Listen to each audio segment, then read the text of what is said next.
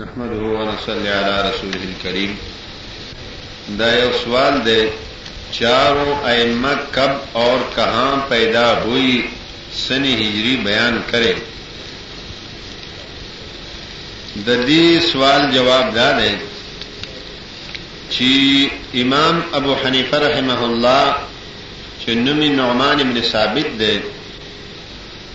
په کوفه کی سن اسی هجری باندی پیدا شوی دی او ایک سو پچاس هجری باندی فوت شوی دی امام دار الهجرا امام مالک ابن انس رضی الله رحمه الله دا مدینه منوره کی سن نوی هجری کی پیدا شوی دی او یو سلو نه اویام هجری کی په مدینه منوره کې فوت شوی دی امام محمد بن ادریس امام ناصر الحدیث امام محمد ابن ادریس الشافعی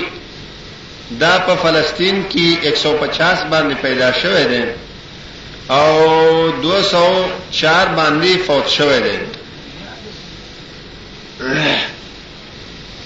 امام اهل سنت والجماعه امام احمد ابن حنبل رحمه الله په بغداد کې یو سلو څلور شپېته باندې پیدا شوی دی او دوه سله یو څلوېښت کې فوت شوی دی دویم سوال دی چار مذهب کب وجود میں آئے شواہد سی جواب فرمائیں ذرا تفصیل سے شکریہ چار مذهب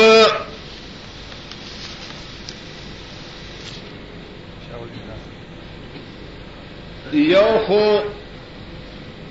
چار مذهب کب وجود سی آئے شاہ ولی اللہ رحمہ اللہ په حجت الله البالغه کې فرمایي چې د څلورو واړو مذهبونو ترویج مئت الرابعه څلورم صدې پورې نو د څلورم صدې نه وروسته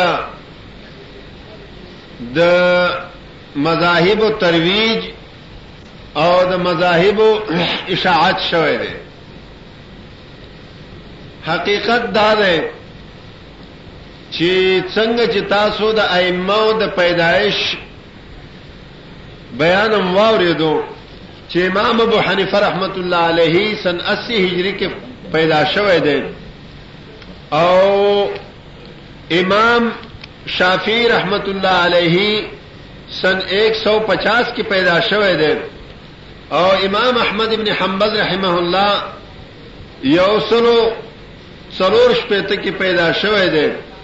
امام مالک رحمت الله علیه نوی هجری کې پیدا شوی دی نو د دین تاسو خپل اندازه لګولای شئ چې مذاهب کم از کم کم از کم سن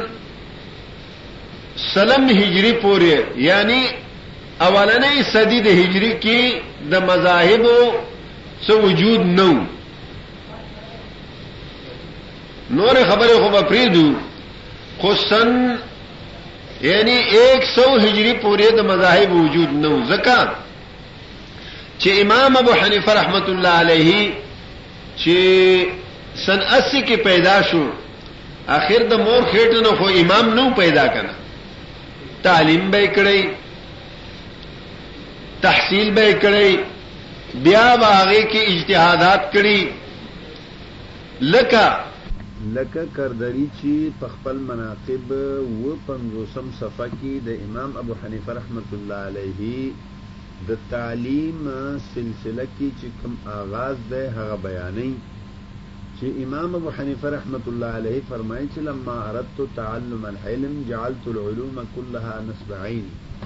يعني کله چي ما اراده د علم زده کولو وکړو نو ما ټول علوم خپل ذهن کي راوستو ما يو يو فن کي مي فکر او غور وکړو د هغې عاقبت او د هغې نفع ما وسنجولو ما ویل که علم کلام زه زده کړم نو هغې عاقبت به یې خراب وي نفع یې ډیر لږ دی کله چې انسان په دې کې کامل شي او دې ته محتاج شي نو هغه جهرا دا خبرې نشي کولی ځکه چې خلک هغه ته یعنی په بدو سره یادوي او خلک ورته صاحب هوا وایي بیا مې تتبع د امر ادب مې او د نحو مې وکړو نو هغې انجام ته چې هم ما وکتلو نو هغې کې بس دا انجام راته ښکاره شو څو ماشومان به کېني او ضرب زیدون عمرن بکرن دغه به زده کوي بیا مې تتبع وکړو په معامله د شعر کې نو هغې کې انجام مې هم بده وموندلو ځکه چې په هغې کې به هجا کېږي او بې ځایه به دروغ ویل کېږي او د دین ټوکړې ټوکړې کېږي به بیا ما د علم قرائت په باره کې سوچ او فکر وکړو نو ما ویل چې کله چې د علم قرائت اخري غایه ته به ورسېږم نو یو څو ماشومان به راته راغونډ شي او هغوی ته به هغوی به ماته قرائت کوي او زه به هغوی ته چې کوم دی نو تجوید ښیم او د قرآن پاک په معانیو کې خبرې کول دا ډېر ګران دی نو بیا ما ویل چې طلب د حدیث کوم نو بیا د هغې انجام ته چې مې وکتل نو ما ویل چی کله چی زه ډیر احادیث جمع کم نو دی ډیر احادیث جمع کولو ته اوږد عمر ته ضرورت دی تر دی پوری چی خلق به ما ته محتاج شی او کله چی ما ته محتاج شی نو په دغه احتیاج په وخت کی به ما ته نه راغونډیږی مګر ماشومان ماشومان به راغونډیږی یعنی ما نه به هلکان او نو عمر خلق به راغونډیږی او ما نه به حدیث وایی کیدای شی چی هغوی ما په دروغو سره دروغ ته منسوب کی یا سوء الحفظ ته منسوب کی نو دغه کذب او دا سوء الحفظ به تر قیامت پورې ما پورې لګېدلی بیا ما خپل رائے راواړولو علم فقه ته کله چې دا علم فقه مې واړول راواړولو نو لم یزدد الا جلالتنا هغه زیاد نکړو مالره مگر جلالت ولم اجد فيه عیبا ما په دې کې چې کوم دانو عیب ونه موندلو ما دا وګڼلو او ما دا وګڼلو چې اول دا جلوس یکون مع العلماء رأيت اولا ان الجلوس يكون مع العلماء والفقهاء والمشايخ والبصراء نو ابتدایي جلوس به هم چا سره وي علماو سره به وي فقهاو سره وي مشایخو سره وي پویو خلکو سره به وي او انجام به هم دغه وي نو د دې وجه نه ما دا علمي فقه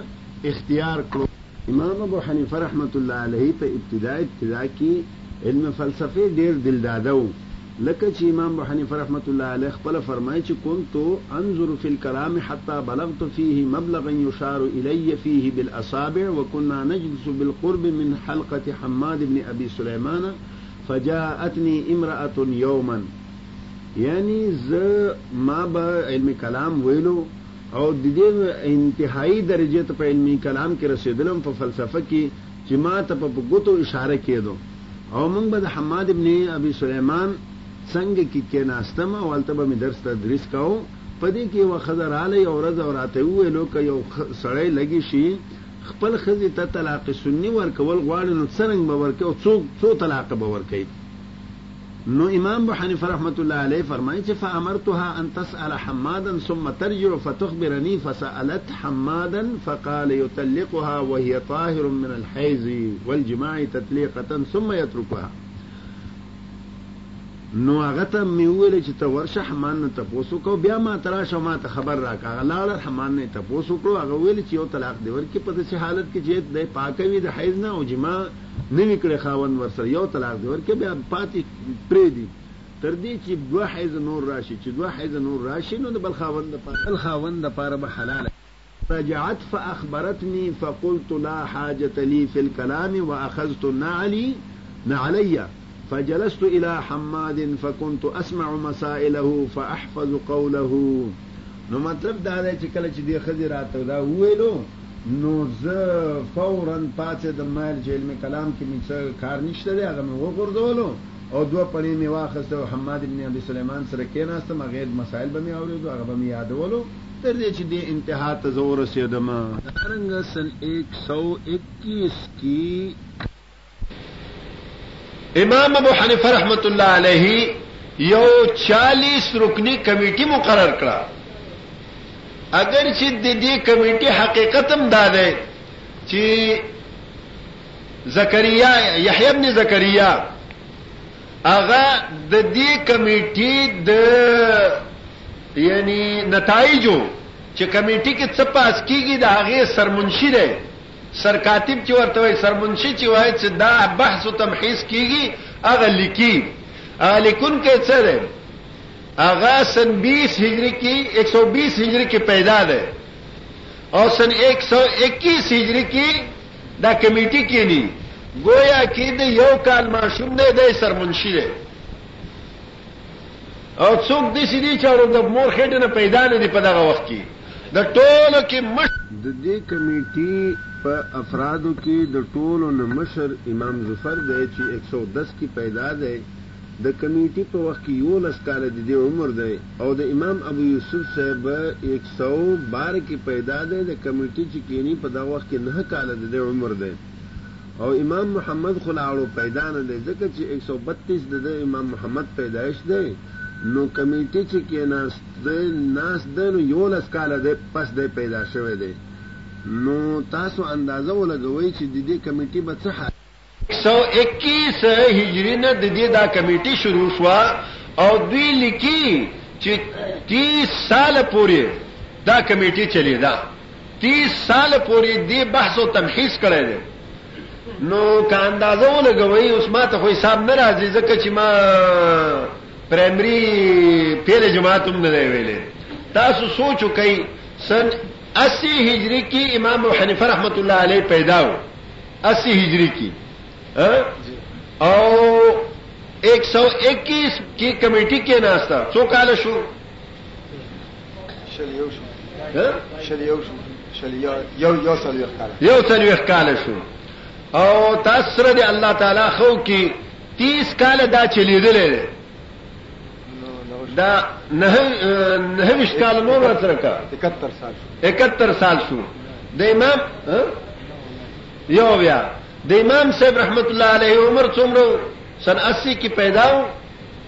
او نه سن 80 کې پیدا وو او 150 باندې فوت شوی دی 70 سال نو 70 سال پورې خودی دا کمیټي جوړوله په دې کمیټي کې دغه نو ساغه کمیټي تدوین کله شوې ده بیا داغه تقلید کله شروع شو نو دې خط کله کړي ناغه په د خط کله وکړو دوباره چې کوم ده نو هغه باندې قتل کله کړي ده یو کال داغه د مرګ شي چې بیا د خط کړي بهر حال مقصد زما دا ده چې امام ابو حنیفه رحمت الله علیه ټولو کې مشر دی او د مذاهب حالات دغه دي نور دیم سوال څه شته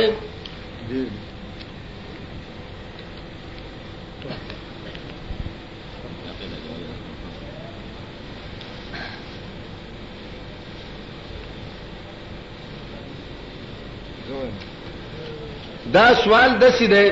کہ آپ حضرات دونوں ہاتھوں سے مسافہ کیوں نہیں کرتے حالانکہ بخاری میں موجود ہے اور امام بخاری نے اس کے لیے باپ باندھا ہے صحیح بخاری پچیسواں پارا اور نو سو چھبیس صفحہ اس پر آپ کیوں عمل نہیں کرتے محترمه که دا خبره په بخاری کی وی ان شاء الله موږ به ضرور په ورباندی عمل کوو لیکن ځه څه وکړو چی تاسو په امام بخاری رحمت الله علیه باندی خامخا دروغ تړی امام بخاری رحمت الله علیه خو باب تړلی دی چی المصافحت باب المصافحتی. ورکې د عبدالله ابن مسعود رضی الله تعالی عنه حدیث ذکر کړی دی چې علمنی النبی صلی الله علیه وسلم التشهد وکفی بین کفیه، یعنې رسول الله صلی الله علیه و آله وسلم مانته تشهد ښودلو په داسې حالت کې چې زما یو ورغوی د رسول الله صلی الله علیه و آله وسلم د دواړو ورغوو ترمینځ و. او ورسره چې کوم دی نو د انس رضی الله تعالی عنه ورسره چې کوم دی نو د عمر رضی الله تعالی عنه روایت پیش کړی دی هغه کې هیڅ یو کې د دوو لاسونو ذکر نشته او نه امام بخاری دا تړلی دی چې مصافحه په دوه لاسونو سره دی نو ورپسې بل حدیث تړلی باب تړل دی چې باب الاخذ بالیدین هغه کې هم دغه د عبد الله ابن مسعود روایت ذکر کړی دی او بل روایت نه دی ذکر کړی د عبدالله ابن مسعود رضی الله تعالی عنه په روایت کې صراحتا دا ذکر دی ذکر دی چې رسول الله صلی الله علیه و آله وسلم ما ته تشهد ښودلو هغه فرمایي منی رسول الله صلی الله علیه و آله وسلم التشهد ويدي بين يديه رسول الله صلی الله علیه وسلم ماته تشهود خودلې ده او زما لاس د هغه دوالو لاسونو کیو نو مصافه مونږ څه ته وایو چې د بهر نه راشي سترمش په وخت کې مصافه وایي حدیث کې هم دغه شی ته ویل کیږي او عرف کې هم دې ته ویل کیږي دې تعلیم په وخت کې لاس لاس کې ورکول ته مصافه نه ویل کیږي بل فرض و تقدیر مونږ تاسو راومنه لزما محترم وروره چې تاسو وال کړی دی مونږ درته وایو چې تا ته دا حدیث معلوم دی نو په دې حدیث باندې اول ته عمل وکړه نو بیا به زه عمل وکم زما سره خدا دلیل دی چې دا د تعلیم وخت وو دا د مصافحه وخت نه وو صحابي او لاسو کته مصافحه وای چې دا مصافحه ده بالکل زب اوستا ومنم چې مشر به دوه لاس ور کوي کشر به یو لاس ور کوي کشر با یو لاس ور کوي مشر به دوه لاس ور کوي ځکه چې رسول الله صلی الله علیه وسلم که عمر وای په عمر کې مشر وو که رتبه وای رتبه کې مشر وو ځکه چې پیغمبر وو او عبد الله ابن مسعود رضی الله تعالی عنہ که عمر وای په عمر کې هم کشر وو او که رتبه رتبه کې هم کشر وو چې امتی وو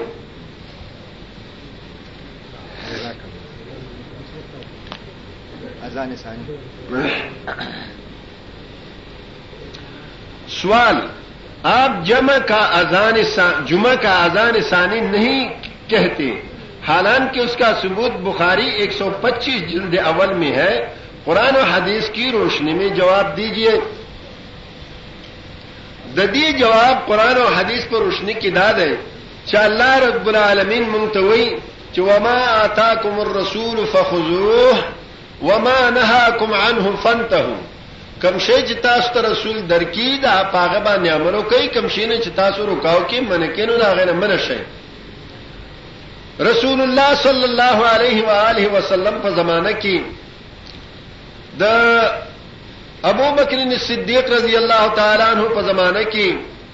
د عمر فاروق رضی الله تعالی عنه په زمانه کې او په ابتدایي زمانه د خلافت د عثمان رضی الله تعالی عنه کې دغه اذان هم دغه یو اذان چې کله به امام منبر باندې کېناستو خطبه د پاره د جماعت په دروازه باندې با اذان کېدې شو دغه یو اذان یو خو موږ دا بدعت شروع کړی دی اکثر اهل حدیث هم په دې بدعت کې اخته دي او نور خو پرې ده چې کله امام ودرېږي منبر باندې کینی او امام مخ ته ولاړ او اذان کوي دا امام مخ ته اذان کول نشته الحمدلله موږ په خپل جماعت کې جاری کړی دی او زه چې کوم ځای خطبه کوم التم دا مجاله کا دروازې سره وکوي بهر حال دا سنت خلکو پرې خیره نو دغه یو اذان به وو، د دې نه علاوه بل اذان نه وو. اما عثمان رضی الله تعالی عنه بخاري کې چې کومه خبره ده هغه دا ویلي دي چې عثمان رضی الله تعالی عنه په زمانه کې کله چې خلک ډیر شول هغه وخت کې ګړیګانې خلکو سره نه وي نو خلک چې ډیر شو نو امام بخاری رحمت الله علیه فرمایي زاد عثمان الاذان الثاني علی الزورائی وهو مکان مرتفع فی سوق المدینه هغه دا اذان وکړو او اذان چې کوم دی نو زورا مقام باندې شوی وو هغه زورا د مدینه منوره د بازار کې یو اوچت ځای یو ډب کا غوندې مدینه منوره کې ا بازار په مینځ کې کړی دی مونږ هم تاسو ته ورونو که هغسې ضرورت وي، موږ خو هغه ضرورت ځکه نه ګڼو چې یو خو ګړیګانې پیدا شي، بل لوسپیکرونه پیدا شو، هغه ضرورت اوس نشته، که تاسو وایئ چې ضرورت شته نو بېشکه موږ به هم درسره ومنو، خو چې عثمان رضی الله تعالی عنه څنګه کړی دی، امام بخاري چې څنګه بیان کړی دی هغسې وکړئ، چې امام بخاري رحمة الله علیه فرمایي چې زهرا مقام کې کېدو. او زورا د کوم یو ډکشنري یا چې کوم نور معاجم معجم البلدان والا کوم معجم چې ګوري نو هغه به تاسو ته دا وایي چې وهو موضوع مرتفع فی سوق المدینه دا زورا چې کوم دی نو یو چت زو مدینه منوره په بازار کې مونږ هم درته وایو چې په بازار کې وکړي دغه خبره ده چې مدینې منوره کې یو اذان کېدل ستاسو خو په هر جماعت کې شپېته اذانه کېږي که کلي کې شپېته جماعتونه شپېته اذانه کېږي هلکه دا خو صرف د خلکو د اعلان د پاره چې د مسپخین وخت داخل شوی دی د خطبه وخت داخل شوی دی عثمان رضی الله تعالی عنہ ضرورت په بنیاد باندې الته وکړو کداغه سي ضرورت وی اول زه عمل کوم خو ان شاء الله زما هغه سي عمل کوم چې کوم عثمان رضی الله تعالی عنہ کړی دی او نران شئ الله دې تر توفیق درکړي چې څنګه عثمان رضی الله تعالی عنہ کړو هغه څه وکړي بازار په مینز کې وکړي او ډبکه باندې وکړي وکړي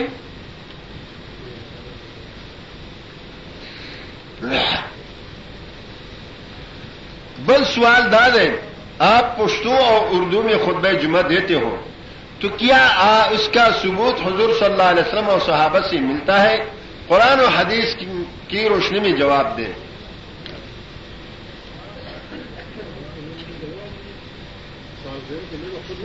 نه خو خیر نه ضرورت نشته زمون محترمو پدې کې بل تاسو ته یو بنیادی خبره به وکم دا د جواب د پاره توتیه او تمهید ده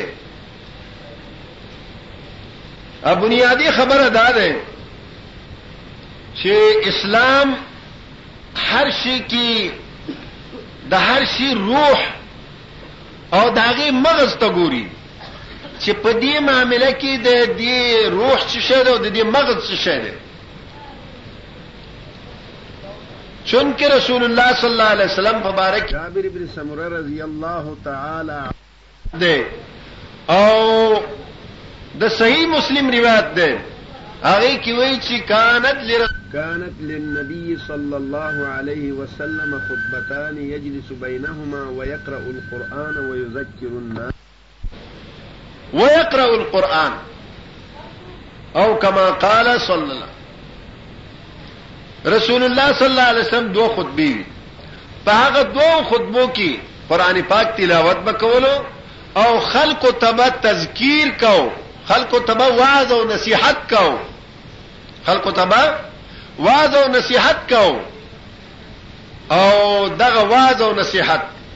رسول الله صلی الله علیه و آله وسلم د خطبه د انداز نم معلومیږي صحابه د رسول الله صلی الله علیه وسلم د خطبې انداز بیانوي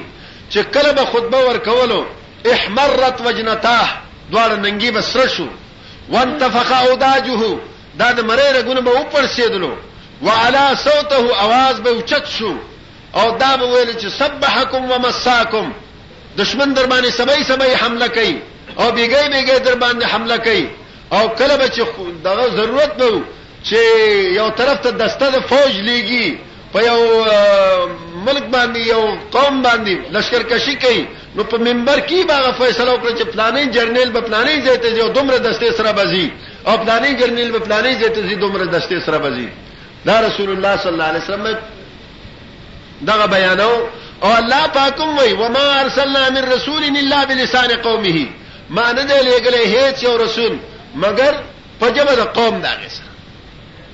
نو اوس مونږ دا تپوس کوو چې رسول الله صلی الله علیه وسلم مونږ ته یو بنیاد کې خودلو رسول الله صلی الله علیه وسلم مونږ ته یو قاعده کلیه کې خدا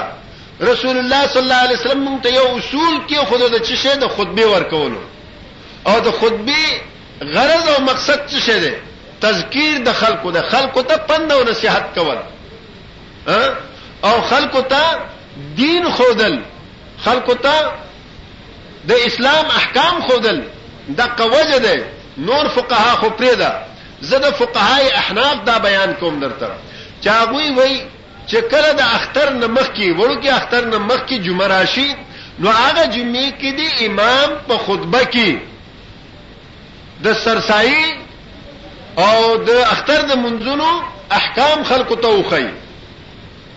او کله چې لوی اختر راشي د لوی اختر د نمخ کې چې کم جمعه ده هغه کې به خلکو ته واز او نصيحت به داسې وکي چې د قرباني احکام او د ایام تشریق د تکبیرونو احکام او د اختر د مون احکام ورته بیان کړي زه اوس دا تپوس کوم چې په دې ملک کې اول خو چې زه صرف هغه شاه اسماعیل شهید رحمه الله چې کوم په عربي کې پښتو پښتو ده کې عربي کې خطبه لیکلې ده نو هغه خطبه وای او تاسو ګورئ د مولانو د کم یو مولا ننګي سره شول پی د کم یو مولا چې کوم ده نو دا دا دا مړې رګونو پرسې دي کم یو مولا پاغه باندې په جوش کې راشه او आवाज پورته شو ټیټ شي نه خو هغه انداز د خطبه په کې بیانېږي او په دې کې اگر که هغه کې هغه خطبه کې د واعظ او د تذکیر الفاظ شته خو زه او ته په څه پوهیږو عجم خلق دي پښتانه دی هغه اردو صحیح نشي ویلې نو په عربي باندې هغه څه پوهیږي آیا چې د خطبه کم مقصد د خطبه کم غرض شو هغه پوره شو قطعاً نه پوره کېږي، لهذا اسلام موږ ته غرض او مقصد د دین ښيي. فقيه ابو الليث سمرقندي دی، فقيه ابو الليث سمرقندي د احنافو کې یو لوی فقيه تیر شوی دی، هغه مختلف کتابونه هم دي، هغه خپل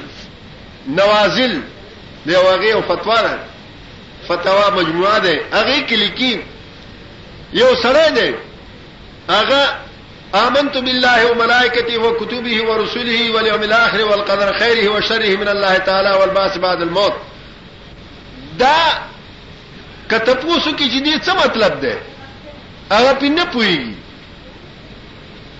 او وای نو آیا دا مؤمن کې دې شو کنه شي کې دې هغه وای نشي کې دې دا مؤمن ځکه چې په مطلب یې نه پوهېږي او که هغه فارسي وان دی په فارسي کې د دغه ټکي خو په عربي کې ولا نه ورځي خو د دغه مقصد باندې هغه پوهېږي او د دې باندې اقرار کوي آمنت بالله و ملائکته و کتبه د دې په مقصد باندې دی پوهېږي او اقرار کوي یا فارسی والا د فارسی باندې یا پښتون د په پښتو باندې یا اردو والا د اردو باندې دغه مقصد باندې پوهېږي او په دې باندې اقرار کوي چې ما په الله باندې ایمان دی، په رسولانو باندې ایمان دی، په کتابونو د الله باندې ایمان دی، په ورځ د آخرت مې ایمان دی، قدر د خیر او شر په د الله د طرف نه دی، په هغې مې ایمان دی. دا په پښتو کې، په اردو کې، په فارسي کې وله ورځي او ښه مقصد باندې پوهېږي، لېکن عربي که عربي کې وي نو په مقصد باندې نه پوهېږي او که چېرته دې عربي ګوټه کړې وي او یې عقیده یې دغه نه وي، په اردو کی نو بیا د مؤمن کېدې نشي دا به ال مؤمن شي چې دغه الفاظو په مقصد پويږي چې امنت بالله و ملائکته او کتبه څه مقصد ده چې په مقصد پوي شو په هغه باندې یقین وکي نو ما مقصد دا ده چې عربي ویل دوی دا خلک دا غړي چې لکه د پیغمبر نه چې نه ثابت شوه نو هغه واقع مونږ منو چې کومه خبره د پیغمبر نه ثابت نه نو هغه دین نه ده خو زه دومره دا ویل غواړم چې پیغمبر چې دا عربي استعمالولو د دین په بنیاد نه دا استعمال کړی چې دا عربي دین دی عربي که دین وای په زه سندره وایم په عربي کې هغه دین دی غانې په دا نن سبا په دې ریډیوانو کې غانې نه دا عربي که دین وای نو دا عربي دین دی هغه ګانه ده گمراهی ده خو پیغمبر چې کوم عربي ویلې دی د عبادت بنیاد باندې نه دی ویلې چې د عربي ویل عبادت ده هغه چونکی دا غوي زبان دا غوي یعنی عادت دا غوي داب او سیرت هغه بیان کړی دی د دې وجنه نه چې دا عربي غني عبادت ده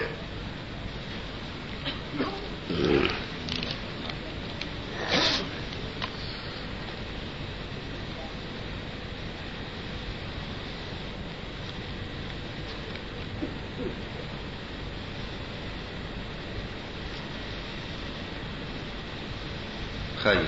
د دې جواب د قران او سنت پر روشنی کې نه دی غوښته ها وه کیا اپنې آپ کو اهل حدیث کهنا قرآن کې کسی آیات یا حدیث یا کسی حدیث سې ثابت هې کې اپنې آپ کو اهل حدیث کهو اګر نهی تو پهر آپ کیو کهتې هو جواب دیجیه خو قرآن او حدیث پر روشنای کې نه دی غوښته ها مخکې قرآن آیات نه دی نه خدای وی چې دین ثابت دی جواب دا دی چې ګورئ حافظ صاحب هم تاسو ته د دې وضاحت وکړو دا غي د وضاحت نو ورسته بیا د دې سوال ته څه ضرورت خو نه رورا کومنګ دا ویلې چې موږ ځان ته اهل حدیث وایو نو دا اهل حدیث وینا اسلام دی ځانته اهل حدیث وینا دین دی دا اهل حدیث وینا منزل من الله دی یا د رسول الله صلی الله علیه و آله وسلم د حدیث دی خو تا به دا مطالبه کوله چونکی دا یو امتیازی وصف دی د هر یو شخص یا د هر انسان یا د هر قوم یا د هر یو مذهب والا یو امتیازي نښه وي دا مونږ د امتیازي نښه په طریقې باندې استعمالو چې لکه الله رب العالمین امتیازي نخه په صورت کې يهودم ویلي دي نصارا هم ویلي دي لیکن یا اهل الكتاب هم ویلي دي څه ویلي دي نن تپوس وکړو منین وویل چې ستا په زوی باندې رجم دی ستا په زوی رجم دی او ستا په خزم رجم د په خزم رجم دی نو د رجم ته نه ور کولو یو سوره ورکړه یو جنۍ او سلګړی ورکړي د زوی په فدیه کې نو هغه وایي بیا ما تالاش کولو دا تالاش مانده لږ خیال وساتئ کله چې د سړی تاوان وشي د پیسو کنه هغه مسلې بیا ډیر تپوس کوي چې د پیسو تاوان نه نه بیا پر مسلې تپوس نه کوي هغه چې چون کې هغه نه سل غړي تلی وي او یو جنې تلی و تانم ته پوس کوله بل ملانم ته پوس کوله بل ملانم ته پوس کولو اخر یو ملاور ته ویل چې هغه خبره داسې نه ده خبره داسې ده چې د ده په ښځه باندې رجم دی او ستا زوی خو واده کړی نه و، په ده باندې سل دورې دي. ویل، ښه! ورنه رسول الله صلی الله علیه وسلم خو موجود دی، ورشه هلته هغې نه تپوس وکړه. ورغی رسول الله صلی الله علیه وسلم نه چې دا تپوس وکړو، دا مسله ورته وړاندې کړه، نو رسول الله صلی الله علیه وسلم فرمایي چې والله لاقضین بینکما بکتاب الله. زما دې په الله قسم وي ستاسو په مېز به زه د الله تعالی په کتاب فیصله کوم نو هغه کتاب فیصله دا دی چې اما الولیدة والغنم فمردود الیک اجنې او دا ستا ګړي دي تا ته واپس دی واما علی ابنک جلدو مئاتین و تغریب عام ستا په زوی باندې سل کوړې دي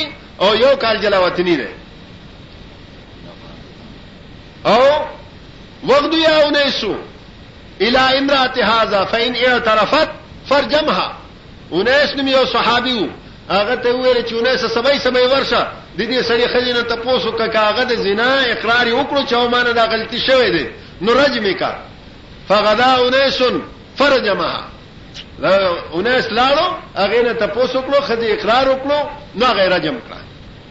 زه تاسو کوم د علما ناس دي چې دا قصه الف لام میم یا الحمدلله نو نس بسم الله الرحمن الرحیم نو الناس پوری وګوري چې دا قصه چرته شته نشته په قران کې او پیغمبر څه وایي والله لاقضين بينكما بكتاب الله یو تاکید د قسم بل لام تاکید پی داخله یی بل نون تاکید ثقیله پی داخله یی په دریو تاکیداتو سره پیغمبر وای چې والله لا اقضین بینکما بکتاب الله چې اوس پیغمبر دا الله کتاب ته خپل حدیث ته کتاب الله وای او الله پاک خپل قران ته کتاب الله ویلو الله پاک خپل خبرو ته حدیث ویلو پیغمبر خبرو ته حدیث ویلو موږ قرآن او حدیث باندې عمل کوونکي یو زمونږ دا امتیازي نوم مونږ په ځان باندې یې خېده اهل حدیث حدیث والا قران او حدیث والا ها زمونږ دا ایمان دی چې یو سړی دی قران او حدیث باندې عمل کوي ځان ته اهل حدیث نه وای مسلمان دی هم مؤمن دی خو مونږ مخ کې خیر القرون کې زمونږ مشر د اهل حدیث مشر امام المحدثین حضرت ابو هريره رضی الله تعالی عنه هغه ځان ته اهل حدیث ویلي امام شاوی رحمه الله چې هغه د 500 صحابهونه 500 شاګردي کړې ده د 500 صحابه او شاګردو هغه وی لو استقبلت من امري مستدبرت ما حدثت الا ما اجمع عليه اهل الحديث کچته زه د خپل معاملې نه کم چې روسته په خبر شو مخکې خبر شوی وای ما به روایت نه کړې حدیث ما نه بیان کړې مګر هغه روایت چې پاغي باندې اهل حدیث او اجماع کړی دی نو امام شعبي چې د 500 صحابه او شاګردو نو په ایمان یې ووایه چې په هغه زمانه کې محدثین څوک وو؟ اهل حدیث اهل حدیث څوک وو هغه وخت کې؟ صحابه امام شعبي صحابه ته ما اجمع عليه اهل الحديث وي نو که صحابه ځان ته اهل حدیث ویلي دي نو زه ولې ونه وایم خدي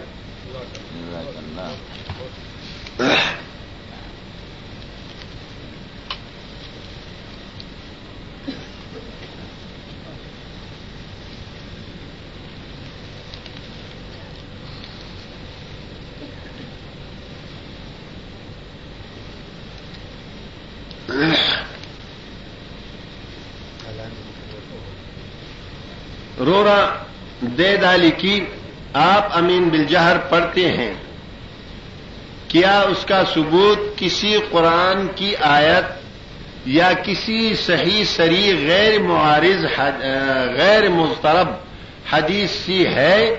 اور کیا یہ مسئلہ بین الصحابہ والتابعین اتفاقی ہے جواب دیجئے وعلیک بالانصاف ان کنت مسلما الحمدللہ ما چې څومره دا خبرې وکړو د الله تعالی په فضل او کرم سره ما هغه خبرې وکړې چې د انصاف سره زما په نیز باندې ځکه چې زه دا کومه خبرې کوم زه د دې خبرې زما یقین دی چې سبا ورځ د قیامت کې به زه الله تعالی سره مخامخ کېږم او الله به ما نه تپوس کوي زه صرف خپل ملای چمکاولو د پاره یا خپل د جماعت د ننګ او د ناموس د پاره خبره نه کوم زه چې په جهنم ته ځم زه وایم دا ټوله دنیا دې ما نه مخکې لاړ شي زما پې څه اول جان دی بیا جهان دی زه به دا کوشش کوم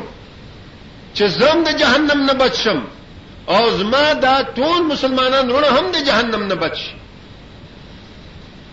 زه به دا کوشش کوم چې قیامت په ورځ الله تعالی زما په وینا باندې ما ونه نسی دا کومې خبرې چې ما وکړو په دې بنیاد مې کړې دي والله بالله ثم الله که ما سره دا غم نه وای چې په ورځ د قیامت به ما الله تعالی نصیب کما دې دربن ته مې خپې خوي دلته او بیا دا بیګا په دې تیار کې د په منجا کوټ ته خطلې وای یا په دې سخته د یعنی باران کې په دې بیړې کې زراغلې وای خو زما دا ایمان دی چې په دې کارونو به الله تعالی ما ته خپل رضا راکوي او خپل جنت به راکوي او الله رب العالمین نه زه امید ساتم او رب العالمین دې راکړي سره د ټولو مؤمنانو نظم محترم و معززو امین بالجهر په باره کې ماته چې کم معلوم دی ابو داود کی صحیح صریح حدیث دی په سند کې هیڅ کچ نشته صحیح صحیح صریح حدیث دی نه معارض دی او نه مسترب دی صحیح صریح حدیث دی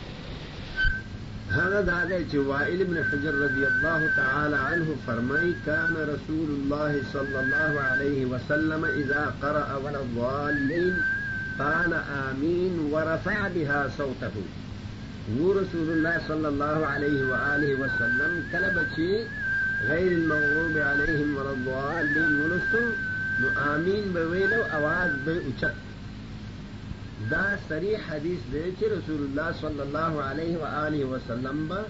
اواز اوچتاو دا صحیح حدیث دی محدثینو صحیح ویلې دی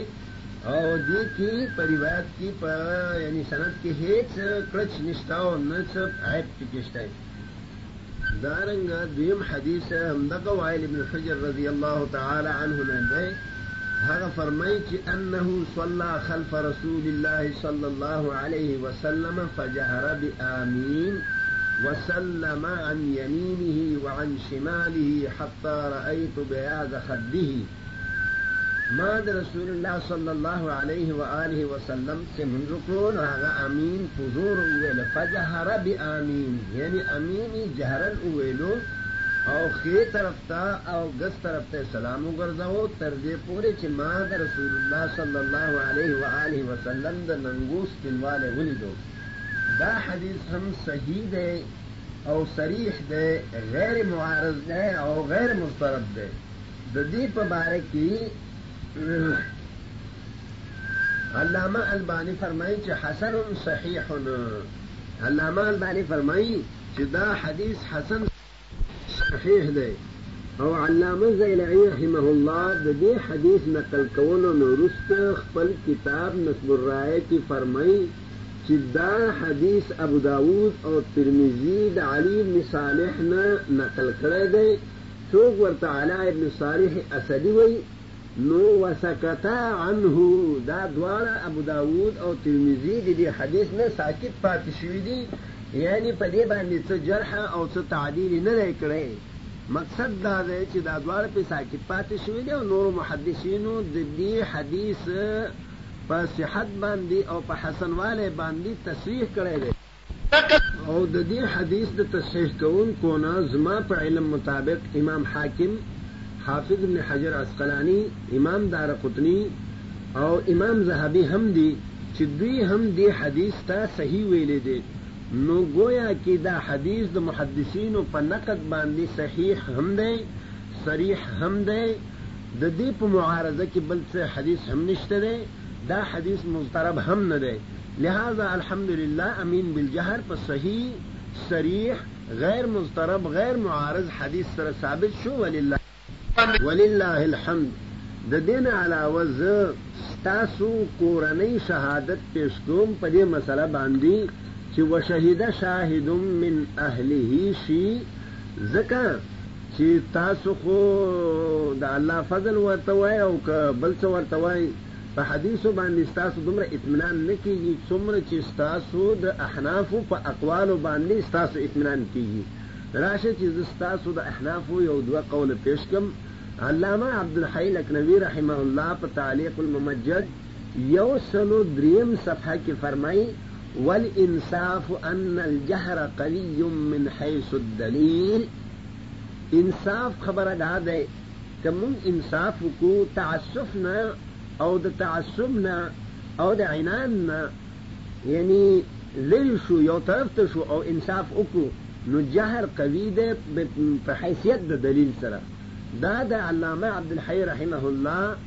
قول دی خپل د موطا محمد باندې چې کوم تعلیق کړی دی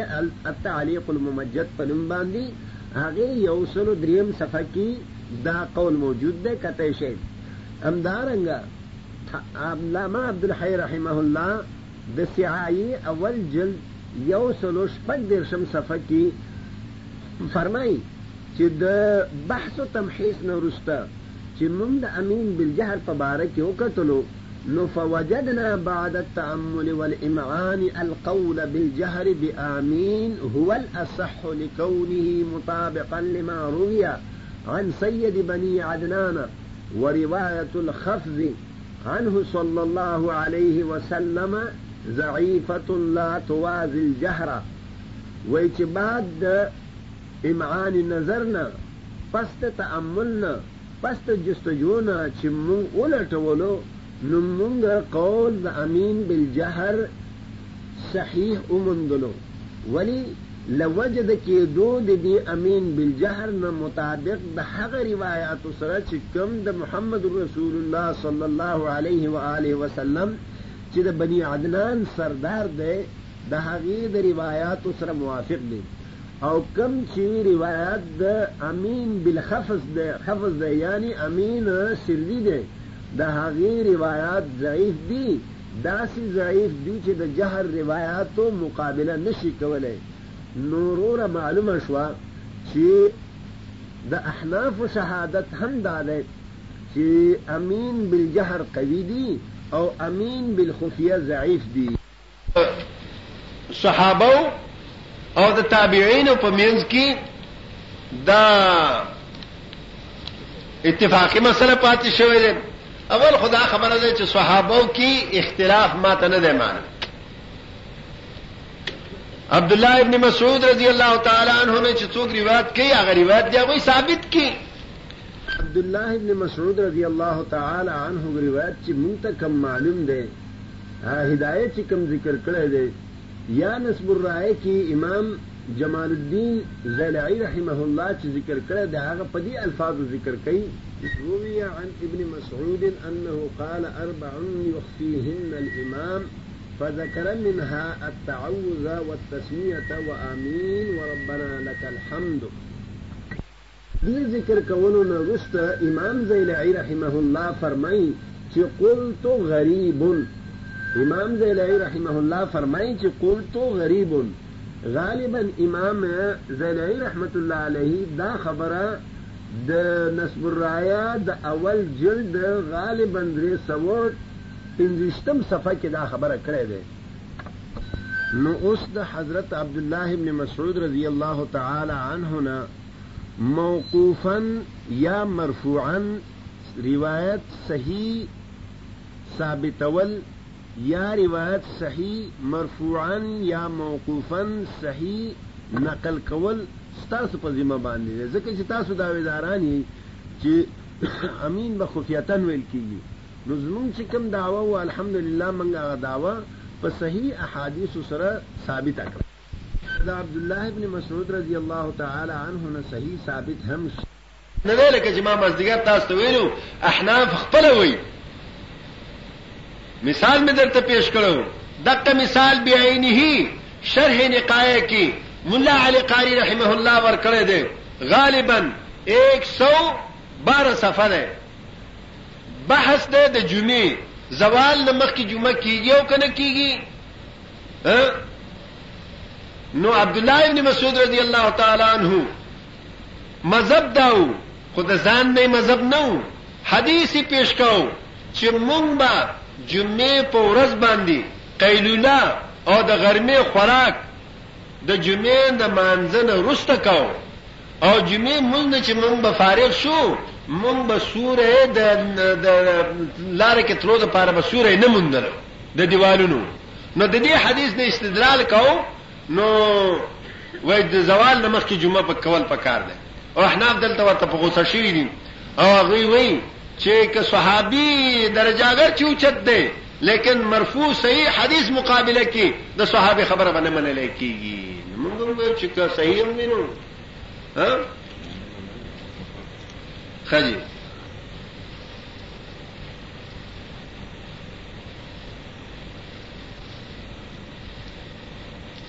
روره که شاه ولی الله بدعا لکی او که بل څوک بدعا لکی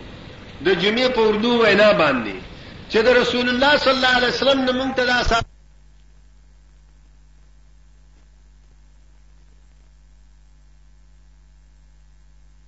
ښه دي.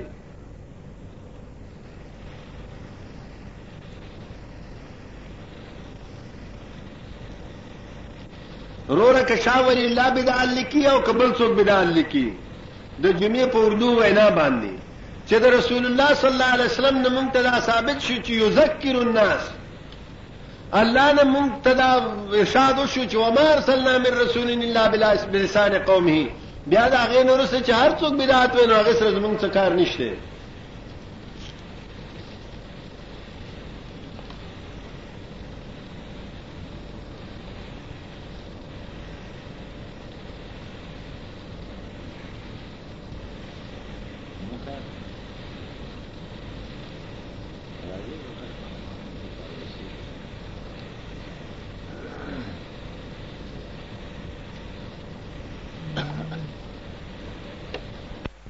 دا سوال دی د صلو په باره کې وای تاسو صلو لیکلی دی نو هغه په اخر کې وای واو نه الف راوړی دی نو دا الف څه لپاره راوړی دی نو پدې کې وای کچت تاسو دې الف ته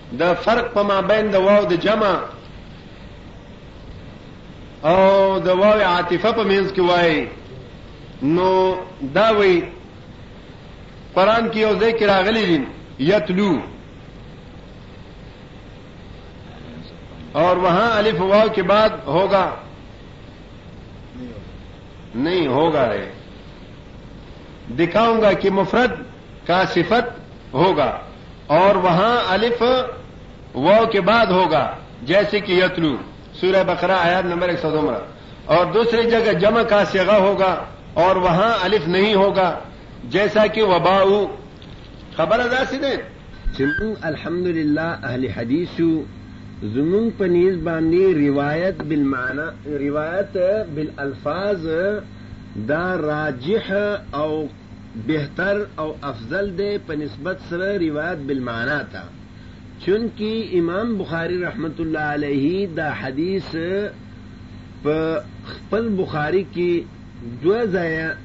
ذکر کړی دی او صلو کما رأیتمونی اصلی الفاظ سره ذکر کړی دی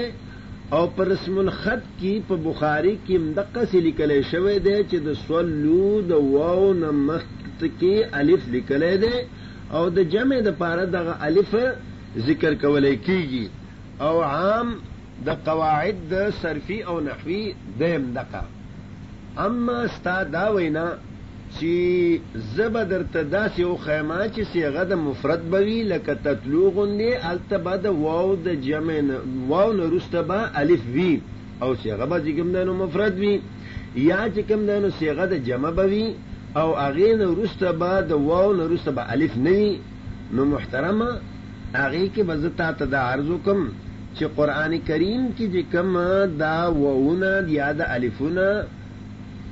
لیکل شوي دي نو هغه د رسم قرآني موافق لیکل شوي دي لکه چې علامه دانی نه علامه نائتی الارکاتي خپل کتاب نصر المرجان فی رسم نظم القرآن کې وايي چې تتلو بزیادة الالف بعد الواو تشبیها لها بواو الجمع فی التطرف کما نص علیه الداني دلته تتلو کې چې کوم الف د واو نه وروسته زیات شوی دی له وجه د مشابهت د دې واو نه په واو د جمع کي په طرف کي پرېوتو کي څنګه چي واو د جمع په طرف کي واقع کېږي همدارنګه دلته دا واو په طرف کي واقع شوی دی نو د دې وجه نه دا الف يې زيات کړی دی اما باؤ کي چي واو د جمع نه وروسته الف حذف کړی دی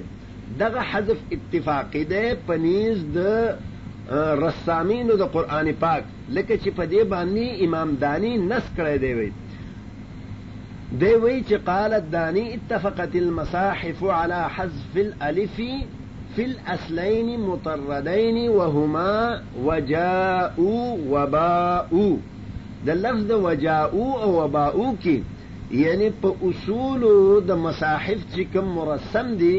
رسم عثمانی رضی الله تعالی عنه سره هغی کی ددی قرآن پاک کی ددی دوو ټکو کی چی دواړه جمع دی جاؤ او باؤ دی کی د الف حذف کولو باندی د ټولو مصاحفو اجماع دی وای په دی کی څه کلام نشته. دا سوال دی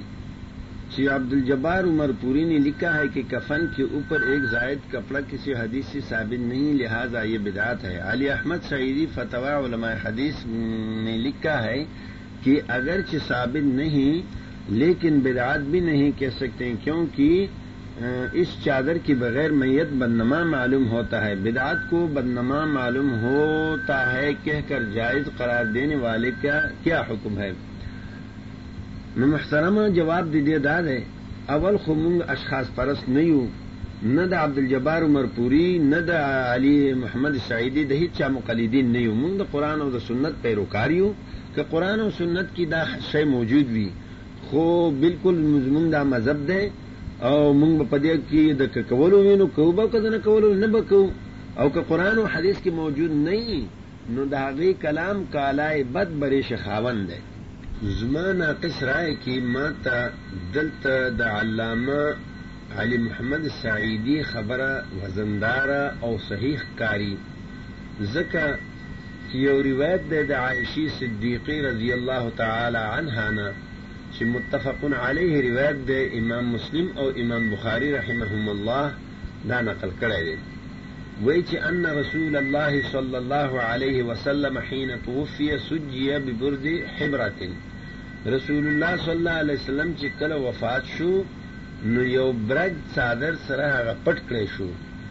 نو د دې نه دا معلومیږي، چی مړی چی مړ شی کفن د ورکولو نه مخکی یا کفن د ورکولو نه وروسته په یو څادر کی پټول چی کوم دی نو دا یو سنت طریقه دی نو که ددی بنیاد باندی علامه سعیدی رحمه الله ویلی نو دا بلکل صحیح خبره ده باقی پاتی شو دا خبره چی په دی باندی حکم لګول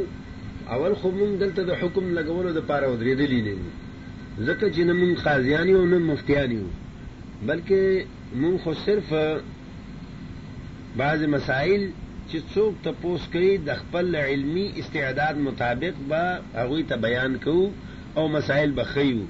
او که کومه مسله نه راتله ما مخکې هم دا عرض کړو چې خامخا به ملا انس کې چپ نشوت باندې به عمل نه کوو بلکې والله اعلم باندې به عمل کوو څنګه چې مونږ ته عبدالله ابن مسعود رضی الله تعالی عنه تعلیم راکړی دی او الله پاک هم مونږ ته دا تعلیم راکړی دی چې تاسو داسې ووایي چې وما انا من المتکلفین په تکلف سره به جواب نه جوړو نو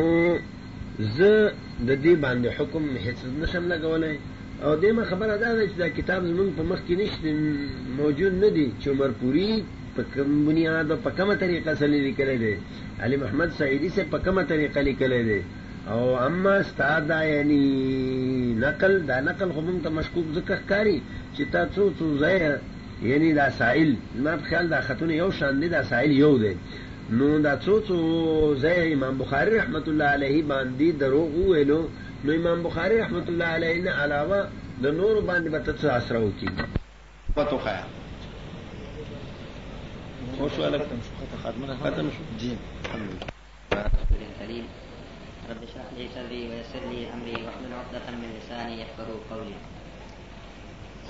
دا یو سوال دی د خزو د سر ویختو د وهلو جواز شته او کنه د قران او حدیث د رڼا پرانا کې معلومات معلومات راکړي د قران او د حدیث پرانا کې د خزې لپاره سوا د احرام په حالت کې چی دی د احرام نه ځان حلالوی په دغه وخت کی ویښتان پری کول شته ددی نه علاوه د قرآن او د سنت نه د ښځی ویښتان پری کول نه دی ثابت البته په صحیح مسلم کی یو روایت داسی دی چی د رسول الله صلی الله علیه و آله وسلم بیبیانو د رسول الله صلی الله علیه و آله وسلم نه وروسته ویښتان پرې کول او علت یې دا بیانوه چې اوس د رسول الله صلی الله علیه و آله وسلم فوت شوی دی مونږ ښایست چا لپاره کوو به هر حال دا د هغوی فعل دی مونږ دپاره حجت نشي ګرځېدی کم از کم دومره ویلی شو چې که یو کور کې یو زنانه وي او هغه دغه نیت کوي لکه چې رسول الله صلی الله علیه وسلم بیبیانو کړو چې زمونږ خاوند نشته دی مونږ زینت چا لپاره کوو په ویښتانو کې زینت دی نو لهذا که دی لنډۍ او وینځلو وغیرو کې به موږ له سهولت شي دا ځان له خبره ده او که دې لپاره دا لنډۍ چې په دې لنډولو کې زینت دی نو دا زه قطعا جایز نه ګڼم سوال دا دی چې اثبات رفع الیدین کې احادیث کوي ہے یا عدم رفع کی رفع الیدین کی جو دلائل ہے اس کی وضاحت فرمائیں روره د چا خبره ده هر یو سړی سپیس ته او تخت ځان ته وهي چې ما نه دې تپوس وکړو نو که زه ووایم چې د رفلیدین دلایل قوي دي نو ته به وایي چې د ځان خبره دې وکړو لکه یو سوال کې راغلی هم دی چې وایي تا کتمان حق وکړو نو ما خو بېګام دا ویلو چې دې ځای کې چې زه کوم خبرې کوم په دې ویره به کوم چې الله رب العالمین ته زه مخامخ کېدونکی یم الله به ما نه تپوس کوي چې تا دا غلطه خبره ولې کړې او سره د دې خبرې مې ستا په یقین نه کېږي او ته پوه شه او ستا رب پوه شه، خو زه به صرف دومره خبره ووایم چې اصول حدیث ته چې موږ وګورو، اصول حدیث موږ ته دا وایي چې کوم روایت متفق علیه وي، هغه روایت راجح دی، قوي دی، نو د دلایل د رفع الیدین احادیث د عبدالله ابن عمر رضی الله تعالی عنه دا متفق علیه روایت دی او اصول حدیث وګوره که دغه اصول حدیث د اهل حدیثو په مدرسو کې ویل کېږي که د دیوبندیانو په مدرسه کې ویل کېږي، که د پنجپیریانو په مدرسه کې ویل کېږي، که د بریلیانو په مدرسه کې ویل کېږي، که د شیعه ګانو په مدرسه کې ویل کېږي، د چې هر یو څوک چې ځان نسبت کوي اسلام ته، د هغوی په مدارسو کې چې کوم اصول حدیث ویل کېږي، هغه کې به دغه مسله وي چې متفق علیه د مسلم او د بخاري روایت راجح ده او هغه قوي دی، هغې مقابل کې چې کوم روایت دی نو هغه مرجوح دی. یو مسله. دویمه مسله دا چې مولانا عبدالحی رحمه الله فرمایي چې احادیث در فریادین قوي اکثر او اثبت دي همدارنګه شاه ولی الله رحمه الله فرمایي چې د رسول الله صلی الله علیه و آله وسلم حدیث موافق رفع الیدین کوونکي ما ته ډېر محبوب دي د هغه خلکو نه چې کوم رفع الیدین نه کوي همدارنګه دارنګه انور شاه کشمیری چې د دیوبند لوی محدث او فقیه دی، هغه یو کتاب لیکلی دی، بسط الیدین فی احادیث رفع الیدین، ورسره چې کوم دی نو میل الفرقدین یو یې حاشیه ده او بل یې متن دی، هغې کې دا لیکي چې د رفع الیدین حدیث یو حرف هم منسوخ نه دي، ټول ثابت دي او ورسره ورسره دا فرمایي چې ان احادیث رفع الیدین متواترة سندا وعملا دا حدیث رفع الیدین سندا او عملا متواتر دی اما حدیث د عدم رفع الیدین هغه متواتر دی خو عملا عند اهل الكوفه د کوفیانو په نیز باندې هغه متواتر دی خو عملا سندا متواتر نه دی خو عملا متواتر دی خو صرف کوفیانو په نس باندی اخر کی وایی چی پنځه قسمه تواتر ده یو پکی تواتر طبقاتی ده دا تواتر طبقاتی یعنی طبقه کوفیو په نس باندی دا متواتر ده اخر کی وایی وکل یفید القطع هر یو د قطعیت فائدہ ورکړي نو چې قطعیت هر یو فائدہ ورکړي زه د دې سائل نه تاسو کوم او هغه هو الله تعالی دې ور باندې رحم وکړي فوت شوی دی هغه ژوندې ونه غنه به مم دا تاسو کړی چې محترمه یو طرف ته دا پنځه واړه پنځه واړه تواتر جمع دي یو طرف ته صرف چې کوم دی نو طبقاتي تواتر موجود دی نو ترجیح به چاته وي یو ماشوم به هم دا وایي چې دا پنځه واړه چې موجود وي نو هغه ته به ترجیح وي دویم سوال په دې پرچه کې دا کړی یا نه د دې جواب دا دی چې رسول الله صلی الله علیه و آله وسلم نه صحیح حدیث کې دا ثابت دی چې یکبر عند کل خفض و رفع هر ټیټېدو او هر پورته کېدو کې به رسول الله صلی الله علیه و آله وسلم تکبیر ویلو په مانځ کې نو دا په مانځ کې ټیټېدل دی په مانځ کې راپورته کېدل دي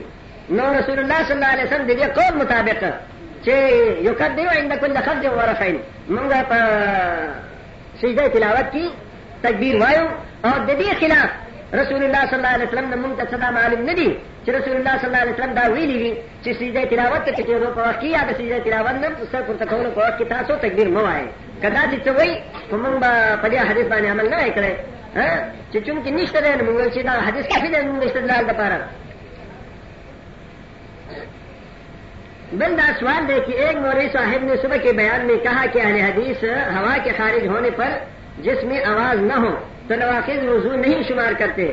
دوسری بات ہے اس نے کہا کہ مسجد تین دن میں بن گئے ان کو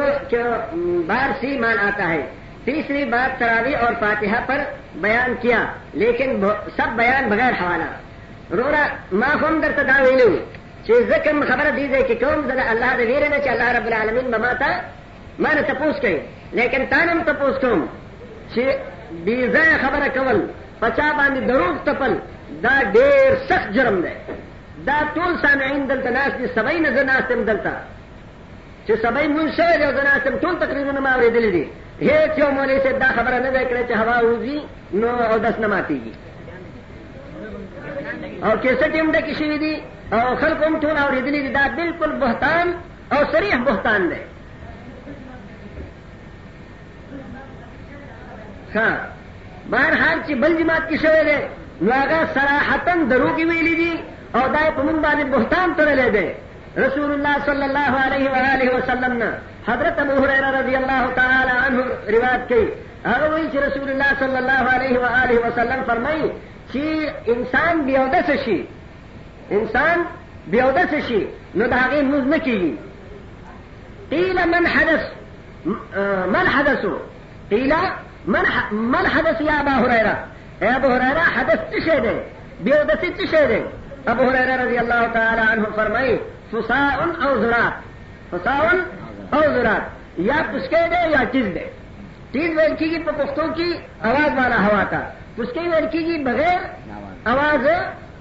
هوا وتلو ته نو حدیث کې صاف راځي د بخاری روایت دی نو موږ به څنګه ووایو چې دا یعنې په دې باندې یو درس نه ماتېږي لعنت الله علی الکاذبین او دویمه خبره مسجد تین دن میں بن گئی نو تاسو د دربند خلکو ته ټولو ته پته دی دربند ټولو خلکو ته پته دی چې زمونږ جماعت په درې ورځو کې نه دی جوړ شوی دا هم دروغ دی بیا به هم وایو چې لعنت الله علی الکاذبین چې دا دروغ ولې ویل کېږي اوس هم پاتې دی ګوره فرشتې نه دي شوي دروازې رنګ رنګاري نه دی شوی هېڅ هم نه دی شوی او درېیم د تراوي هغه بیان به کړی بغیر حوالې او بغیر دلیل نه نو مونږ د هغې د بیان چې به دومره ووایو چې مسلمان دپاره دا پکار دی چې کومه خبره کوي مدلل وکړي او حوالې سره وکړي هغه ته دا بیان کړي چې تراوي شل رکعت نه نو دغه دلیل بیان کی کاته رکعت بیان نه هغه تر رکعت بیان کی خدا به د څه خلکو کار دی چې هغه په حق باندې نه په باطل باندې چې خبره وکي خو دا غي د پاره څه منبع او څه مخرج نه وي الله رب العالمین دې د خبرو نه مو ساتي امين دا مسئلہ سوال دا چې دوران نماز آپ نے رکو کے بعد قیام میں دعا کی ہے کیا یہ عمل الله کے رسول صلی الله علیه وسلم کے سنت سی ثابت ہے روره د دې وضاحت دا دی چې په مشکات شریف کې یو سل څوارلسم سفر غالبا د عبد الله ابن عباس رضی الله تعالی عنه نه روایت دی هغه وایي چې قنت رسول الله صلی الله علیه و آله وسلم فی صلاة الفجر والظهر والعصر والمغرب والعشاء رسول الله صلی الله علیه و آله وسلم د سبای په مانځ کې د مسپخین په مانځ کې د مزدګر په مانځ کې د ماخام په مانځ کې د مخصن په مانځ کې قنوت ولستلو بعد الرکوع رکوع نه پس قنوت نازله ولستلو او بخاری په روایت کې روایت کې راځي چې هغه اویا کس قاریان ته ډیری مغونه کی اویا کس قاریان شهیدان کو نو رسول الله صلی الله علیه وسلم دا انس رضی الله تعالی عنہ روایت متواتر متواتر یو میاشت دغه غوښتو قنوت نازله غوښتو بیا کوم مستضعفین چې مدینه منوره مکه مکرمه کې پاتې وو او هغوی راوتی نه شو د هغوی په باره کې اللهم انجل ولید ابن الولید وفلان وفلان وفلان دغسې رسول الله صلی الله علیه وسلم د رکو نه پس ته دعا قنوت غوښتی دی او صحیح روایتو کې ثابت دی د بخاري او د مسلم دې سره بل څه هم دی دی وایي آپ نے کہا کہ مسئلہ آمین مسئلہ اتفاقیہ ہے تو امام ترمذی نے اور امام نووی شارح مسلم نے حافظ ابن حجر نے فتح الباری میں اس مسئلے کو مسئلہ اختلاف قرار دیا ہے تو اب بتائیے کہ ان حضرات کا کیا حکم ہے رورا اور خبر زدر تو ہے ما مکی ویلو چلا انت اللہ علی الکاذبین در جو باندې د الله تعالی لعنت وی زما کې سر کې به موجودي او تاسو به ټول اورېدلې ما دا ویلو چې دا امین مسله امین مسله د صحابه په منځ کې اختلافي نه و ها دا خبره مې کړو چې عبدالله ابن مسعود نه یو روایت پیش کیږي چې څلور چیزونه دي خفیه ویل شي نو ما دا ویلو چې د عبدالله ابن مسعود نه صحیح سند سره ثابت کړي که ثابت شو خو بیا هم ما دا ویلو ستاسو د حنفیانو هم دغه دی یعنې قانون دی قاعده دی چې کله صحیح حدیث مقابله کې د صحابه قول راشي نو د صحابه قول حجت نه دی او دلیل چی حنفیانو هم دقه پیش کړی دی د عبدالله ابن مسعود روایت چی عبدالله ابن مسعود رضی الله تعالی عنه وای چی زوال نه مخکی د جمعی مونځ جایز دی او حنفیان شرح نقایه د ملا علی قاری وګورئ هغه وای چی رسول الله صلی الله علیه وسلم صحیح حدیث چی موجود وی د صحابه او اقوال ته اعتبار نشته ما دا ویلو ما دا نه ویل چی نه دا اتفاق دی ما دا ویلو کده صحابه نورسته د تابعینو تبع تابعینو او د ائمه که په خپل منځ کې اختلاف وي نو زمونږ په هغې سره څه کار نشته او زمونږ غرض نشته ما دا خبره کړې وه زمونږ چې ترور مرور او دروغ پکې مه وایه جو آپ کے مشہور بزرگ علامہ وحید الزمان اپنے کتاب حدیت المہدی میں کتنی زیادہ خرافات لکھے ہیں مثلا سجدہ غیر اللہ کو نظر غیر اللہ وغیرہ جائزہ اپنی گریبان کے اندر بھی دیکھے اول خو به زه دا ووایم چې د دې مسلې د یعنی سمج سره پوهې سره یعنی د دې د تقریر سره څه تعلق نشته دا صرف یو قسم ته اعتراض او یو قسم ته نکتچینی دی او دا عناد دی خو زه به صرف دومره خبره وکړم چې الحمدلله ثم الحمدلله موږ بزرګ پرست نه یو موږ اشهاد پرست نه یو موږ ملا پرست نه یو او موږ قرآن او سنت تابعدار یو او دا زما امام دی تاسو سره په دې دربند کې باندې ما نن هم هلته په دربند په یوه دا کمره کې لیدلی دی چې ما اشتهار چاپ کړی دی براعت واجب الاشاعت په نوم باندې زما خیال چې موږ دا براعت مخکې ظاهر کړی دی ستا د دې سوال نه چې موږ او یوازې ما نه هغه وخت کې چې کوم وخت کې علامه وحید الزمان دا کتاب ولیکلو هغه وخت کې اهل حدیثو په هغې باندې رد کړی دی او با قاعده کتابونو کې موجود دی ما هم اشتهار چاپ کړی دی خو دې ټولو مسلمانانو ته باغه رسېدلي چې مونږ د اشخاص پرست نه یو او لهذا مونږ د څه ورته یې مهدي زمان دی که څه دی وحید الزمان د هدیت المهدي چې کوم باطلې خبرې دي مونږ له هغې نه بري یو خو یوه خبره به زه درته وکړم دا خبره یو ځای کې بل ځای کې هم شوې وه ما هغوی ته وویلو هلکه زه دا اعلان کوم چې د ابوبکر رضی الله تعالی عنه نه نیولې زما د اخیری سلګې د مرګ پورې چې چا د رسول الله صلی الله علیه وسلم مخالفت کړي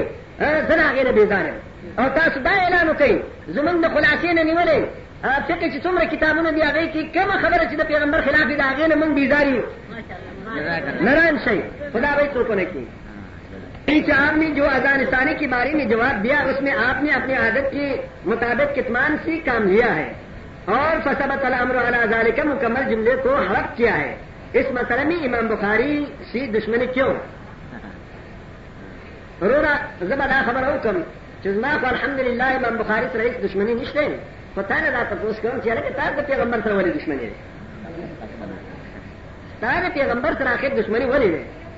ما درته بیګا دا جواب کې ویلو چې موږ د عثمان رضی الله تعالی عنه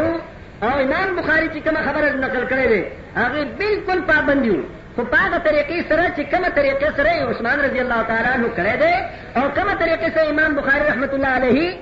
نقل کړې ده زه تا نه تاسو کوم چې تا په هغه باندې عمل کړی دی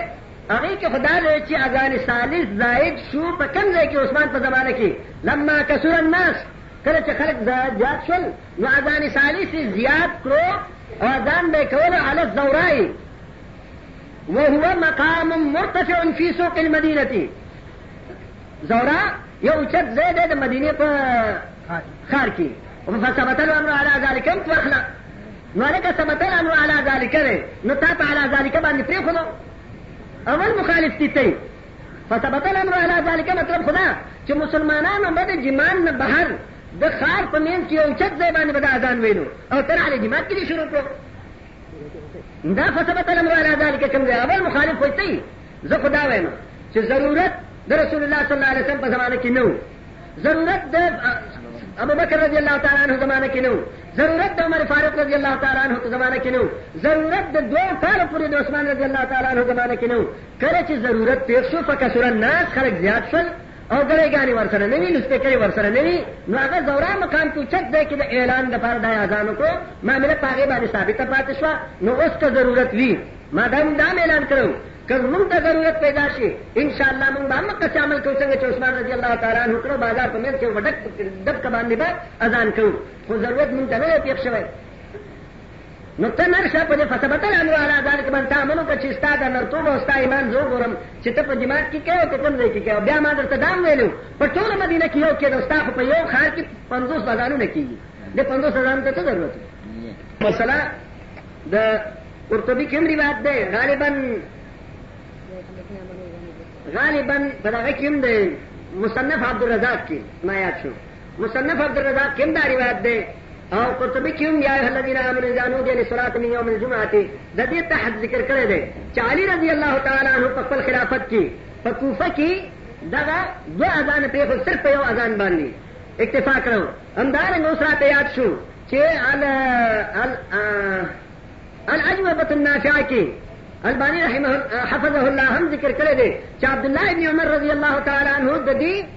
دا اذان پرېښود دا د عثمان رضی الله تعالی عنه چې کوم زیات کړی صحابو دا شی پرېښود خو بیا هم مونږ وو که هغسې ضرورت پیدا شي څنګه چې عثمان رضی الله تعالی عنه ته پیدا شوی په هغه طریقه باندې مونږ کولو ته تیار یو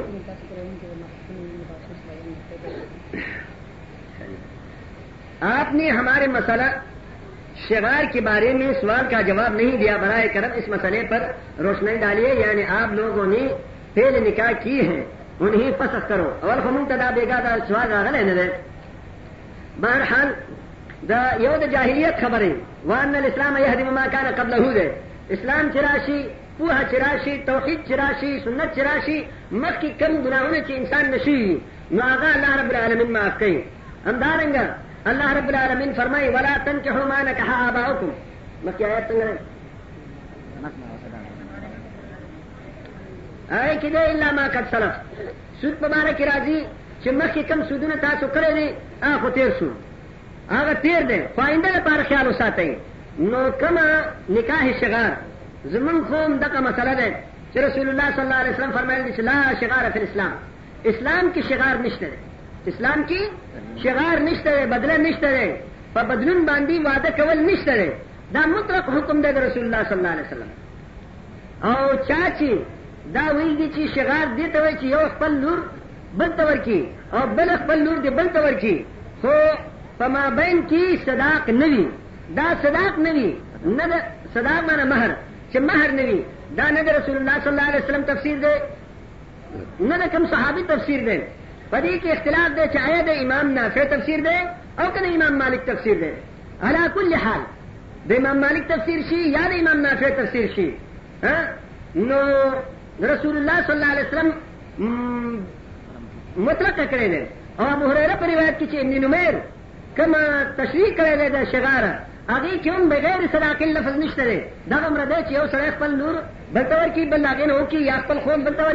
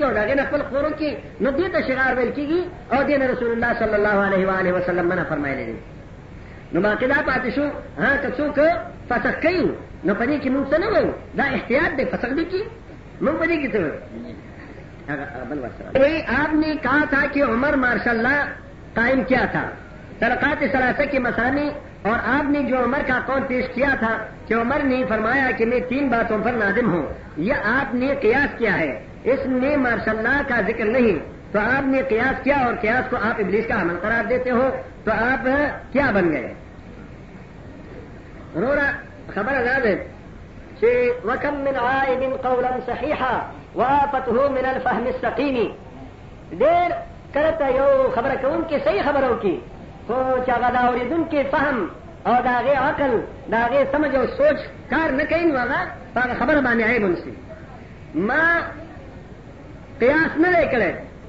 ما درته صحیح مسلم روایت پیش کړو چې هغه کې عمر رضی الله تعالی عنه د مسلمانانو نه مشوره کوي چې لو امزینا کچته مون نافذ کو پدې باندې د مسلمانانو نه مشوره وغوښتو د مشورې نه وروسته فامزا هو بیا دا قائم کو نافذ کو ما درته دا ویلو کدا سیاست نه د مارشل لا لفظ خو خیر دی ویل مارشل لا لفظ دې لپاره ویلي چې نن سبا ماحول سره نن سبا ماحول سره د پویولو لپاره ستاسو فقهاو د دې خبرې تعبیر کړی دی د خلکو پویولو لپاره د عمر دا حکم کانا سیاستا ما درته بیګا ویلو چې یو سره شپږ شپېته غالبا صفحه دی د مجمع الانهر د فقه کتاب دی هغه کې ویل چې سره عمر رضی الله تعالی عنہ چې دا کوم حکم کړی دی نو دا سیاستن حکم وو چاره ته تا سیاستن ویل مولا عبد الهادي ورته ماشاء الله ویل نو څه کې فرق خبره خو یو ده کنه خو هغه وخت کې په دغه لفظ باندې پوهېدل په دې وخت کې په دې لفظ باندې پوهېږي باقي دا خبره چې دی وایي چې تا د عمر د ندامن نه دا قیاس وکړو دا قیاس من کله ویل دي چې هر یو قیاس ته ابلیس دی من دا ویل چې هغه قیاس ته ابلیس دی چې هغه د نس په مقابله کې وي د حدیث په مقابله کې وي د قران په مقابله کې وي هغه قیاس د ابلیس دی او کومه خبره چې قران یا د حدیثونه ثابت نه هغه مماثل بل موجود وي هغه باندې قیاس کولو ته مونږ ابلیس خبره هم مونږ نه دی ویلې خو یو اضطراري حکم دی یو اضطراري دلیل دی لکه چې تاسو هم د اصول شاشي نه نیولې تر دې توضیح پورې وګورئ چې هغې کې وایي چې قیاس هغه وخت کې دلیل دی چې د هغې نه د پاسه بل دلیل موجود نه وي مونږ هم دا وایو چې هغه وخت پورې قیاس د ابلیسي کار دی چې دلیل موجود وي او که دلیل نه وي نو بیا به شک کوئ خو بیا هم مونږ دا وایو چې دغه قیاس به حتمي نه ګڼئ، بلکې جستجو د دلیل به کوئ، چې کله دلیل درته معلوم شي، دغه قیاس به پرې کوئ. او دلته خو موږ قیاس هم نه دی کړی، موږ خو دا ویلو، که عمر رضی الله تعالی عنه دا قیاس دا مفهوم دی، یو چې کوم دی منطوق وي او بل مفهوم وي، کم از کم علما یې دومره چې لیکلي څه خو به هم ویلي، مسله داسې وي چې یو د نص منطوق وي او یو د هغې مفهوم وي. که دا منطوق نه دی نو مفهومي دی مفهوم د دې دا جوړیږي چې عمر رضی الله تعالی عنه د دین ندامت ظاهرولو ولی ظاهرولو کدا حکم شرعي وي کدا الله دا الله تعالی رسول یو حکم وي اول خو به مشوره نه کولو حکم شرعي کې مشورې ته ضرورت نشته او دیم دا کدا حکم شرعي وي د پیغمبر حکم وي ندامت به نه ظاهرو دا دغه مفهوم دی چې دا سیاستن حکم کړو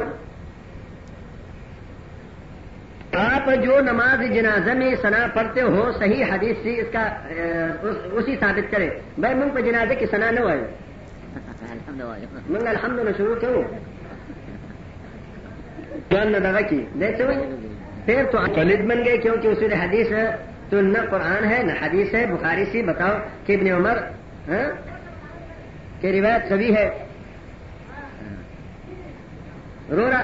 دام دې کم دی نو ستاسو غلط فهمي دی چې دې ته تقلید نشي ویلې د خبرې اصولي خبرې دي کم اصولي خبرې چې نو هغه ته تقلید نشي ویلې تقلید خو دې ته ویل کېږي چې صحیح وي او که غلط وي اندادون چاپ سي تلل دا هغه خبره حجت نه وي هغه پسې تلل نو دا خو مسلم قواعد دي مسلم چې کوم نه دا رسول الله صلی الله علیه وسلم ته دا بنیاد یې خره چې الله پاک وچین جاءکم فاسقون بنبین فتبینوا او بیا قران پاک کې مونږ ته وایي چې من امباکا دا خبر درته چا درکړی دی هغه نبانی العلیم الخبیر بنیاد مونږ ته یې خې دی چې د سند تپوس به کوي او بیا بنیاد راته یې خې دی چې ان جاءکم فاسق بنبین فتبینوا تبینوا کوي او بیا رسول الله صلی الله علیه وسلم ته یو کس را روانو هغه ویل به ساخل عشیره یا به سر عشیره او کله چې هغه سره راغی نو رسول الله صلی الله علیه وسلم علیه له الکلام خبرې ورته نرمې پستې وکړې بیا چې هغه لاړو عایشه رضی الله تعالی عنها وفرمایل چې د الله رسوله تا خو دا فرمایلی چې بې ساقل عشیره او چې راغی نو خبرې دې ډېرې پستې کړې رسول الله صلی الله علیه وسلم فرمایل چې ای عایشه زه دې کله فاحشه او متفحش لیدلی یم د الله تعالی په نیز باندې هغه خلک ډېر بدترین دي چې هغې د فحش د وجې نه خلک هغه پرېږدي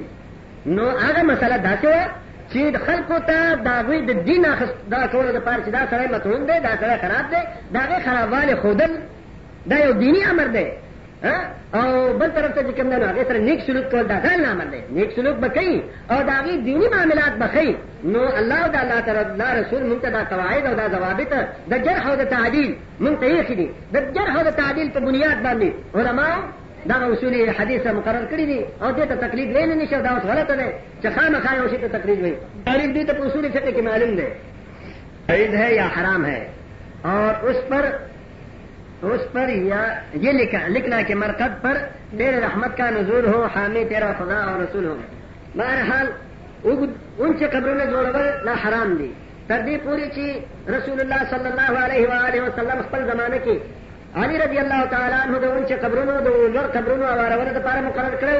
علی رضی الله تعالی عنہ خپل خلافت کې ابو حیاج یا صدی رضی الله تعالی عنہ مقرر کړو چې الله تعالی قبر مشرفا لله سویته چې نه به پرېږدي هېڅ لوړ قبر مګر هغه به ځمکې سره اوارئ او بیا په دې باندې لیکل په قبر باندې لیکل سعد د ترمذي روایت دی چې ولا تکتبو قبر باندې به لیکل نه کوئ دا صراحتا نهي دی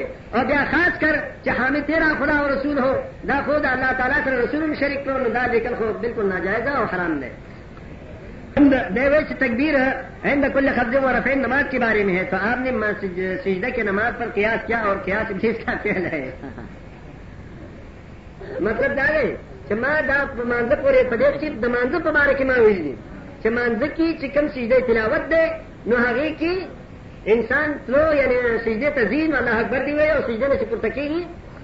هغه الله اکبر دی وایي ځکه چې امام وي نو هغه پوهېدی نه شي په هغې باندې چا مقتدیان په دې نه پوهېږي د تلو په وخت کې خو به پوه شي چې پورته کېږي نو څه به کوي حالانکې د صحابو نه د ماسپښین لمانځه کې هم ثابت دی چې هغوی سجده تلاوت آیات یې ویل دي او ماسپښین لمانځه کې سجده کړې ده بیا پاڅېدلي دي او خپل لمونځ یې پوره کړی دی ما د لمانځه په باره کې ویلي دي او باقی پاتې شو غیر مانځه کې چې ځان نه کوي خو اصل ځان نه یې که الله اکبر وایي او که نه وایي په هغې کې مونږ څه کار نه لرو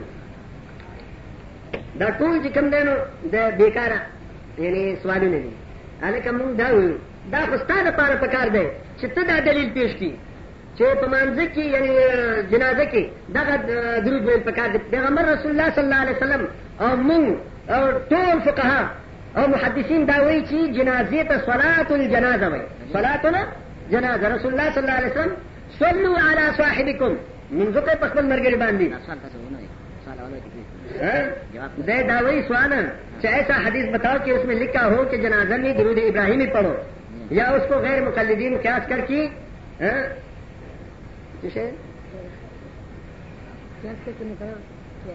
بهرحال خو مطلب دا دی چې دوی دا وایي چې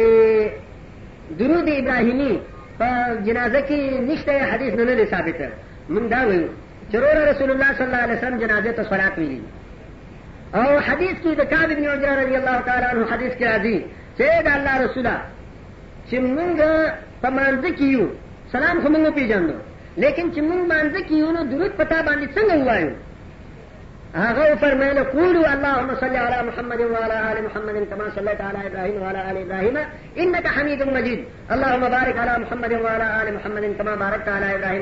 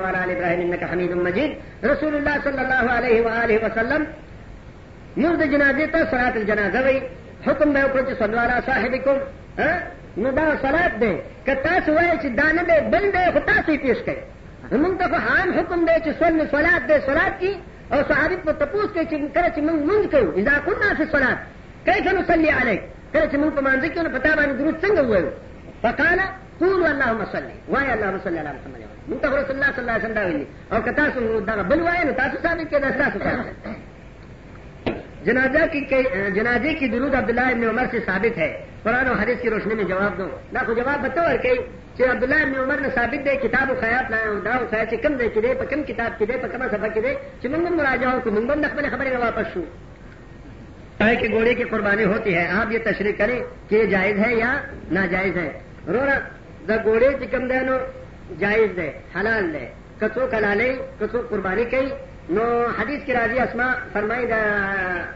بخاري روایت د اسما بنت ابي بکر رضی الله تعالی عنها زحینا فرسا مونږ د رسول الله صلی الله علیه وسلم په زمانه کې اس اضحیه کړو په بل روایت کې راځي چې مونږ د رسول الله صلی الله علیه وسلم په زمانه کې اس ذبح کړو او اون کړو نو حدیث کې راځي بالکل صحیح دی که څوک کوي بهر حال ګوړه دا ګوړه او بل ګوړه نه کچري نه دي د کچري خبرې نه کوو بغال ورته وایي هغه ته کچر یو کچر دی یو خر دی دا دواړه حرام دي یو اس دی اس اس هغه حلال دی هغه ته موږ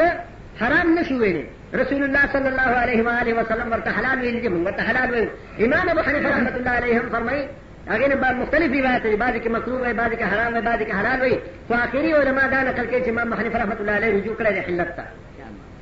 دا خبره نه ده کړه ما خو درته دلیل درته دغه درته پیش کړو ستا د کور خبره مې درته پیش کړو وای پھر آپ تو عبدالحی کاشمیری کا مخالف بن گئی تو پھر امام ابو حنیفه کی بات سے کیوں پھر دا بیکار خبرې دي هلکه ما درته دا وویل که زه ووایم چې دغه قوي دی که زه ووایم چې دا قوي دی خو بیا به وایي چې ځان ته دې ترخص ووالو ما ستا د کور شهادت پیش کړو چې وشهد شاهد من اهله ما ستا د کور شهادت پیش کړو چې عبدالحی وایي چې دغه قوي دی انور شاه کشمیری وایي چې دغه قوي دی شاه ولی الله وایي چې دغه قوي دی قاعده کس نے مسلم بنایا ہے حضور صلی اللہ علیہ وسلم نے صحابہ نے ما درته دا ویل چې رسول الله صلی الله علیه وسلم قواعد یې خیره دلایل مې درته پیش کړو امام مسلم دغه وګوره ته ورته وایي مقدمه وګوره چې هغه څومره په دلایل پیش کړل امام دغه دلایل درته پیش کړو چې نه پوهېږي نو څه به وکړو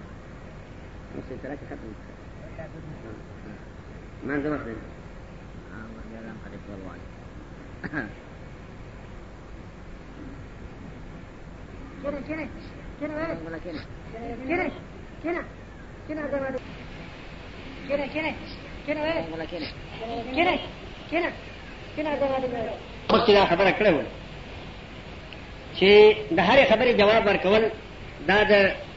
دغه کار نه دی چې کوم علم دی مونږ ته هغه به وایو چې په دې پوهېږو چې کوم علم نه وي نو هغه باندې به درته وایو چې والله اعلم مسئلہ دا ہے کہ رسول اللہ صلی اللہ علیہ وسلم نے حضرت علی کو اپنی بیٹی فاطمہ کا رشتہ دیا اور اس کے بعد فتح مکے کے بعد ان کی بہن امنہانی سے رشتہ کا ارادہ فرمایا اگرچہ وہ کسی اور وجہ سے نہ ہو سکے نہ ہو سکا لیکن اس مسئلے اس کا مسئلہ شرار پر ہونے والی روشنی ډالې بهرحال دا مسله ماته نه ده معلوم چې آیا ام هاني سره چې کوم نن رسول الله صلی الله علیه وسلم دا اظهار کړی او کنه وکړی نو چې دا راته معلوم شي نو ان شاء الله بیا به وایم بار کہتے ہیں کہ قیاس سے آپ نہیں کرتے تو پھر کیوں جنازہ کو نماز پر قیاس کرتے ہیں حالانکہ جو قیاس نہ کروں پیغمبر میں سن لوں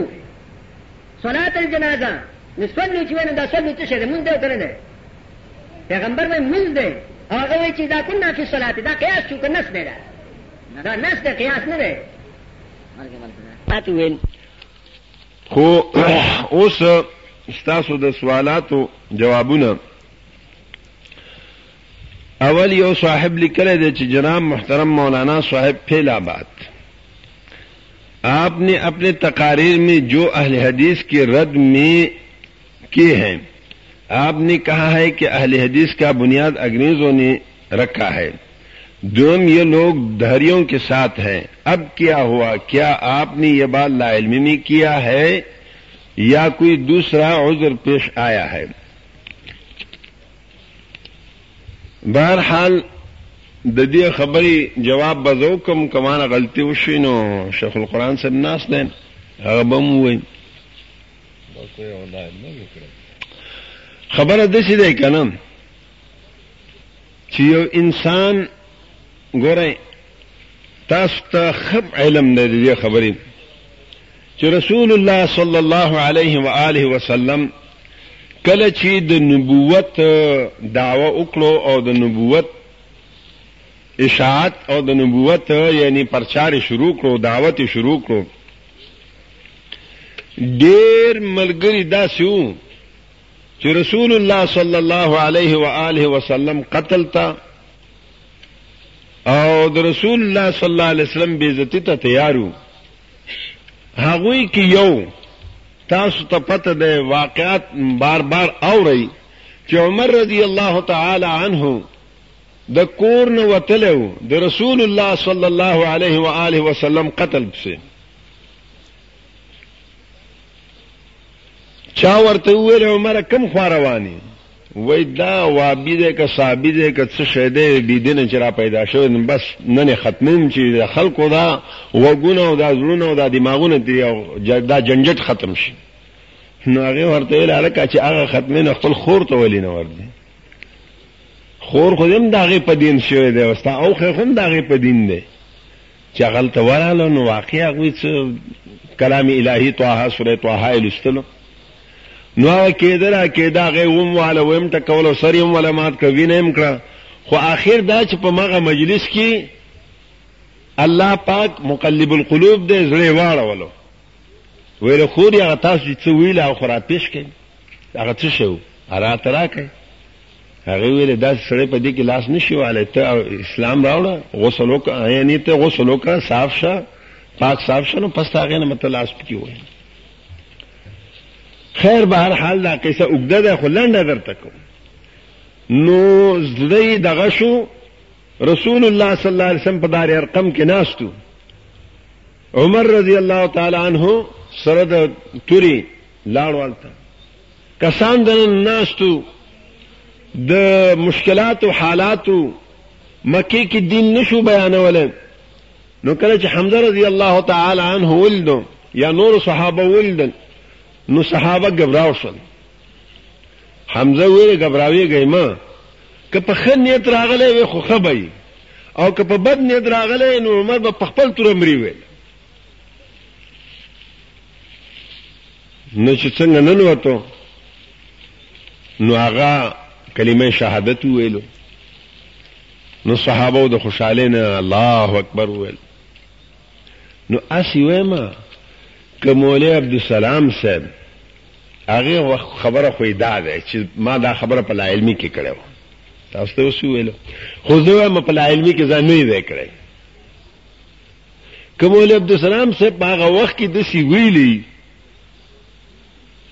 نو اوس الله رب العالمین مقلب القلوب دی